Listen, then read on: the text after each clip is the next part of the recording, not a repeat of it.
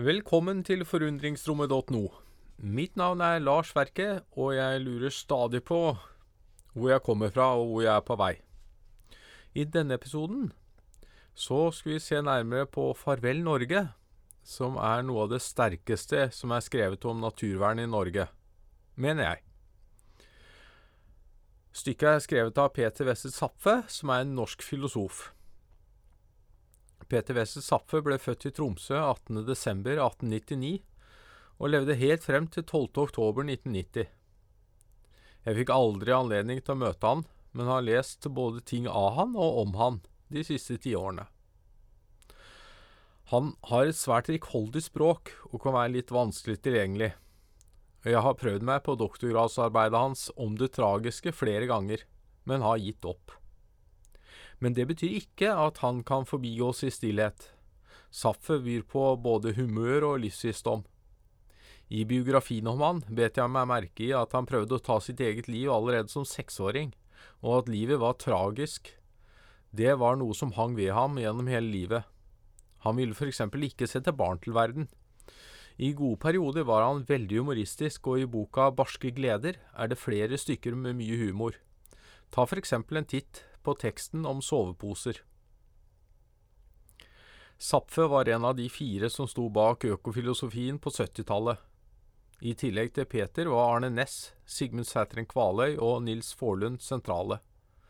Dette resulterte i den dypøkologiske bevegelsen og boka Økologi, samfunn og livsstil fra Arne Næss. Tankegodset i den boka er nok et fellesprosjekt fra de fire, men det er Næss som har fått æren.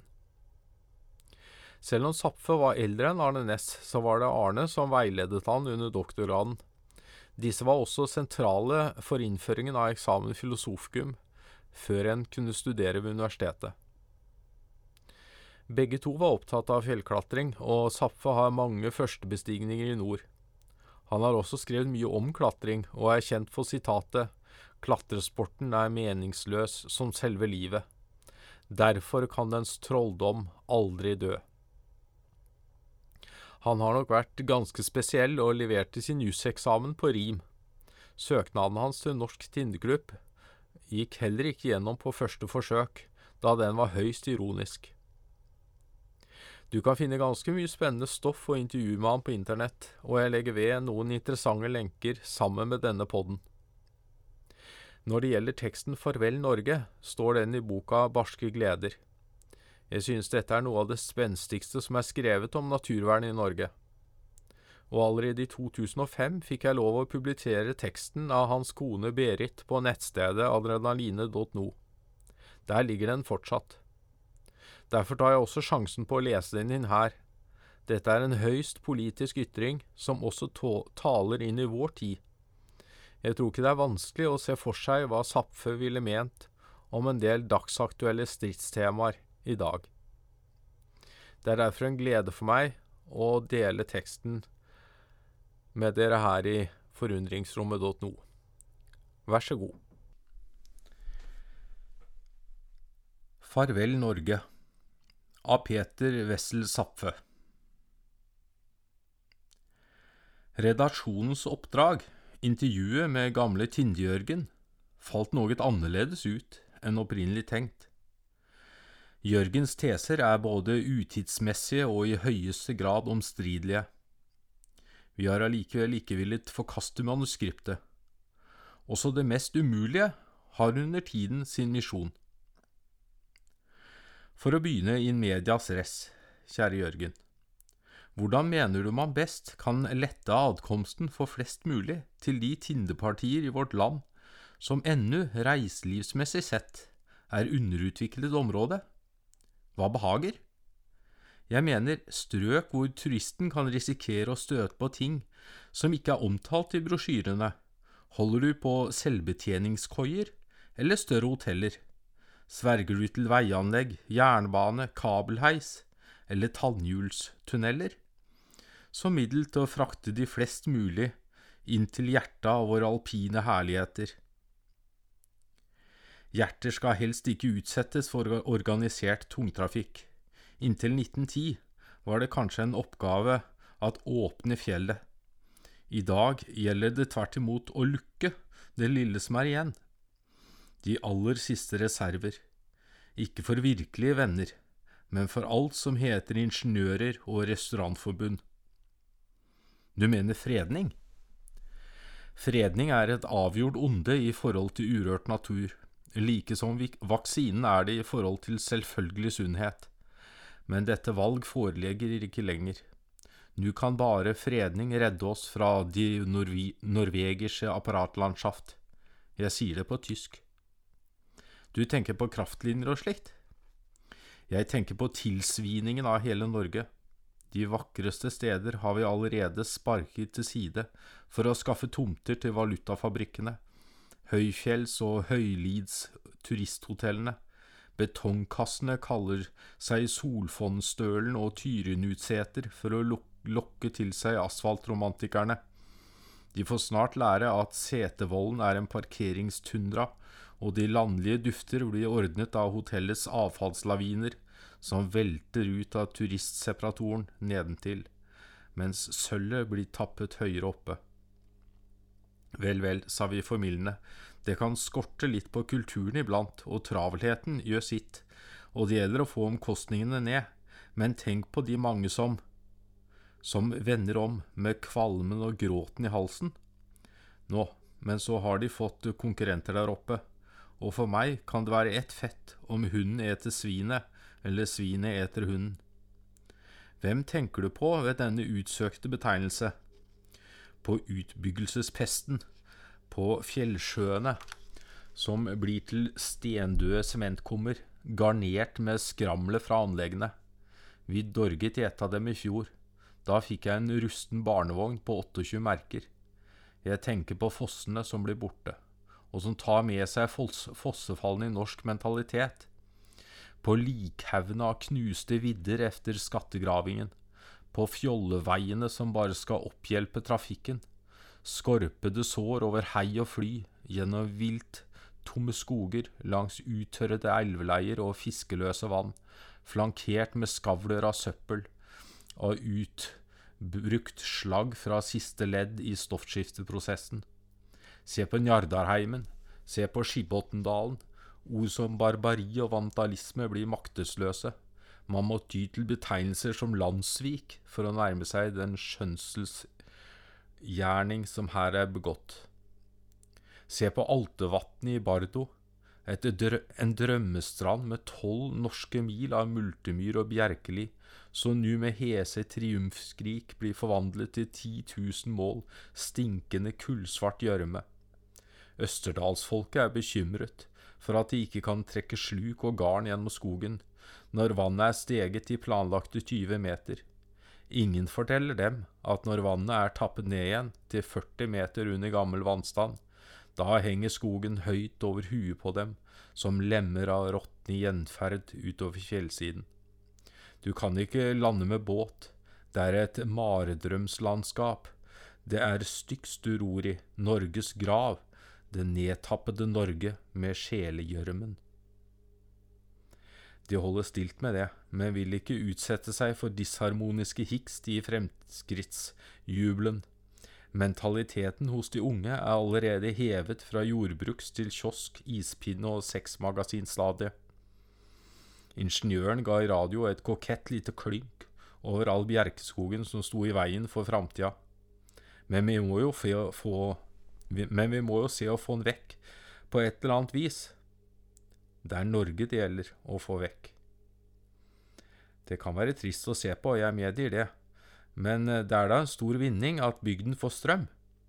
Naturligvis, men det er ikke derfor de bygger. Det er bare et lokkemiddel. Bygden kan verken finansiere eller utnytte et anlegg som dette. Der må skaffes avtagere, rentedekning, man må få folk til å anlegge fabrikker og boligfelter. Anlegget har bygden, ikke omvendt. De ikke rif, de geister. Da er det for sent å angre, nytteløst å fortvile. Det kan nok være dem som fortviler, men kommunen har ganske enkelt ikke råd til å la en sånn inntektskilde ligge uutnyttet. Tenk på Gjende, bøndene i Hedalen, Lom og Vågå, forlanger 2,5 millioner om året i erstatning hvis ikke Gjende blir utbygget. Da har de heller ikke råd til å la døtrene gå hjemme og vente på gutter som ikke kan investere, men bare frir av kjærlighet. Send dem på trekk i Stortingsgata. Bygden kan tjene svære summer, 50 kroner natta, 15 000 om året, halvannen million på 100 jenter. Det er ikke verre det enn landskapsprostitusjon. Du mener vel det som en spøk? En gradsforskjell. Vi er i utnyttelsesbavianenes vold. Det er flaut at de skal nedstamme fra mennesker disse stumpe, sterile sinn, som intet egenliv har, men bare kan holde det gående på økonomiske kamferinnsprøytninger. Vi avløses av et folk som ikke lenger fortjener sitt land, et folk for hvem alt annet er likegyldig enn antallet sedler som kommer ut gjennom lønningsluka. At naturalhusholdningen blir avløst av pengehusholdning, er en uunngåelig følge av utviklingen og fremskrittet. Skal noe vinnes, må noe ofres. Jeg skal si deg hva utviklingen egentlig består i, jeg. Jeg sier utviklingen, ikke kulturen. Den er en ren panikk, en sjelekløe som er nødt til å klore og krafse inntil hver sten og hver tue i landet er dekket av uhelbredelig eksem. Hvilken livsfilosofi, hvilket fremtidssyn, Hvilket mål bestemmer retningen? Hva er det Norge vil? Hva er tanken, ideen, meningen med dets liv som nasjon? Tja, mest mulig lykke for flest mulig mennesker eller noe slikt. Ganske som i verden for øvrig. Det du kaller lykken, min venn, ligger mer i måten å reise på enn i tilstanden på bestemmelsesstedet. Den kan, som alt annet, være et hjelpemiddel men ingen tilstand kan hjelpe et menneske eller et folk til lykken, som ikke har evnen i seg selv. Den som bestandig kaster vrak på det nærværende for å halse etter det vordende, han vil aldri nå frem. Med noen sporadiske unntagelser har denne metoden vært prøvet i 6000 år. Syns du så at vi rettferdiggjør verdenshistorien her vi sitter, som frukter av 300 generasjoners drømme, blod, svette og tårer? Vi har ennå umistelige, ubetente flekker i norsk natur som kunne hjelpe oss å bære livet som det er. I stedet ser vi et folk som i stokkblind sandrektighet sparker sin lykkenæring til side og glefser etter en skygge. Efter midler til nye midler til nye midler til hva? En sjelelig konvertering, en kollektiv psykisk kreditt som bare fornyes og aldri blir rekket. Og stakkars den som stanser og roper en advarsel. Han er utenfor, han er folkefiende, han har ikke livets rett, han blir ikke engang imøtegått, folkeflertallet bare trykker ham ut med stussen. Jeg får prøve å svare deg, jeg, da. Utviklingen er blitt en selvstendig kraft som vi ikke lenger kan beherske og dirigere. Befolkningen øker, presser seg frem. Den kan ikke leve av havebruk og sportsfiske. Den roper på flere kilowatt og mer industri. Dette er trivielle sannheter for alle oss andre, rene selvfølgeligheter, som det er bortkastet tid å diskutere. Hvem har bedt dere øke befolkningen? Men kjæreste Jørgen, sa vi, og skjelte litt urolig til samtalens egentlige formål. Du kan da ikke ville mene å stanse livet? At livet skal leves og gå sin gang, det er da det selvfølgeligste av alt? Der er ingenting som heter livet. I tilfelle er det noe som vi har, og ikke noe som har oss. Ingen metafysisk konstitusjon. Det er nettopp et av de listigste påfunn som man har gjort for å slippe å se sannheten i øynene.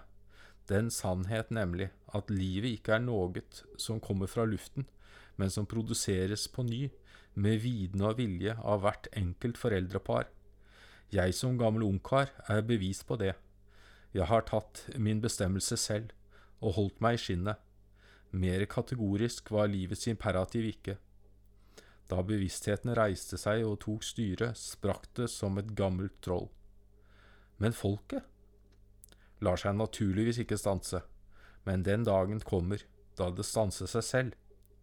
I dag veier det norske folk 220 000 tonn. Nasjonens eneste felles mål er å øke, fordoble, mangedoble kjøttbærernes antall.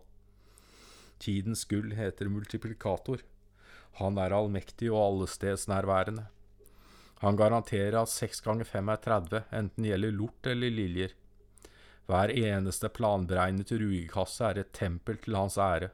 Rekkehus med rekkemennesker, blokk, bygg med menneskeblokker, serieproduksjon av effektive ingenting-mennesker. Ingen spør i aritmetikkens verden hva tallene betyr. Der trengs funksjonærer til alle våre livsviktige bedrifter, og til reising av nye. De sosiale problemer står i dag i brennpunktet for både offentliges og den enkeltes interesser.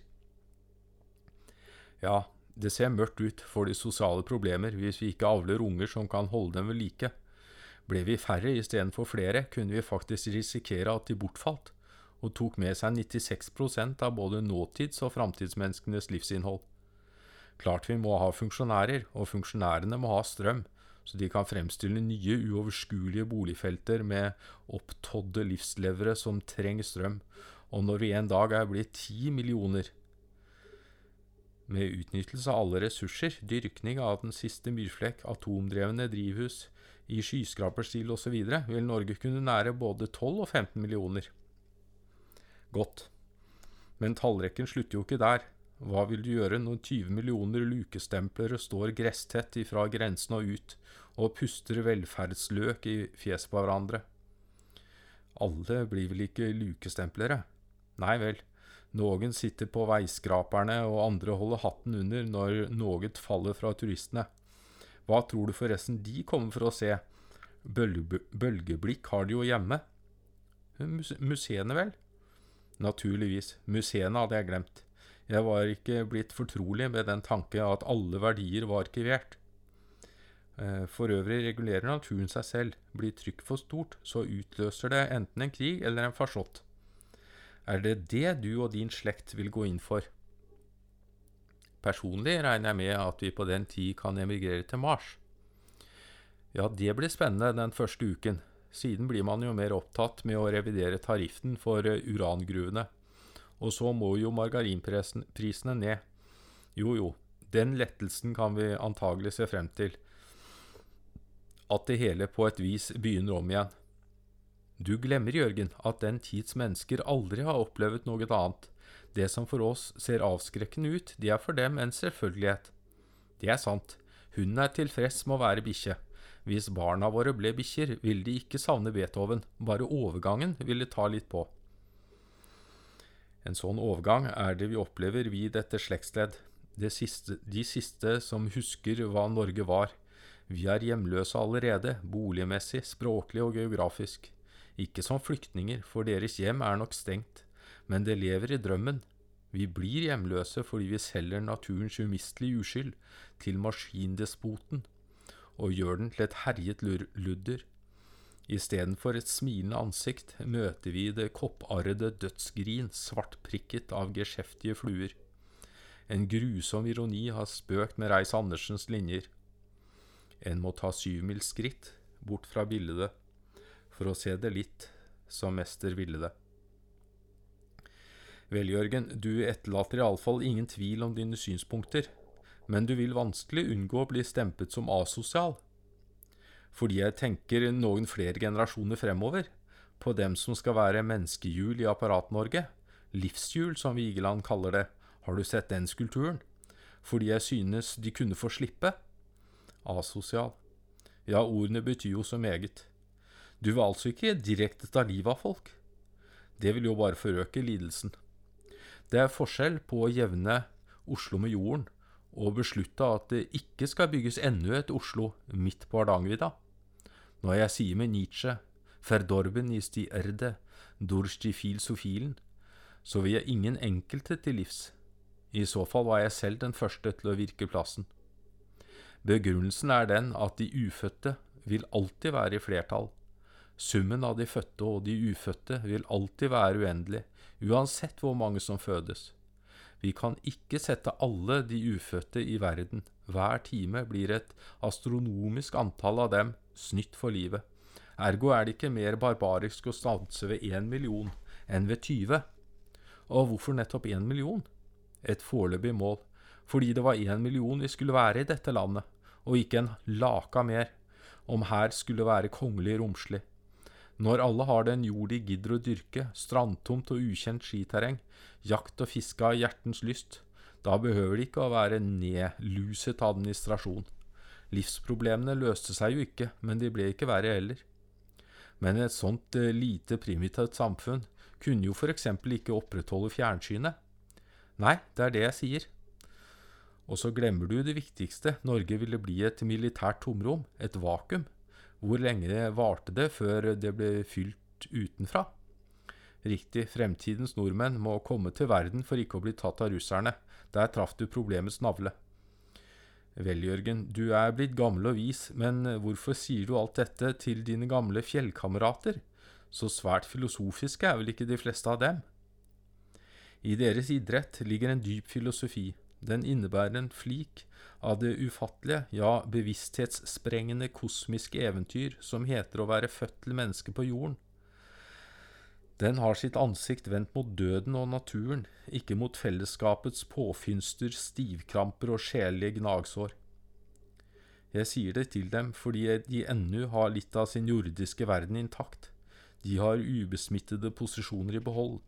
Fra dem kan de kjempe. Mineralet er dødt, men det er sunt.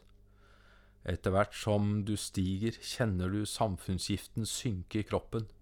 Og nå har du har luft nok under hælene, slipper den taket og synker til bunns, akkurat som sennepsgass. Så blir du ren, og mer enn det. Du har fått motgift i deg, så du kan vende tilbake og være immun, og bli som, en, og bli som et antibiotikum i et folk som går i oppløsning. Tror du det nytter å komme til unge, varmblodige mennesker med et budskap som det du her har etterlatt deg? Naturligvis ikke, men det vedkommer heller ikke saken. Jeg tilhører en uthøende mennesketype. Det er derfor jeg sier farvel, Norge. Det er allerede på fremmede hender.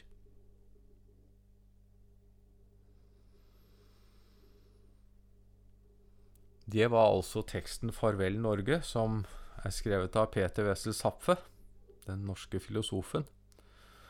Og det er noen tiår siden den ble skrevet, og jeg tenker den blir ikke noe mindre aktuell ettersom årene går. Så jeg håper du blir frista til å titte mer på det han har skrevet, og da er et godt sted å starte barske gleder. Så takker jeg for følget i denne episoden på forundringsrommet.no, og velkommen tilbake til en senere episode. Ha det bra!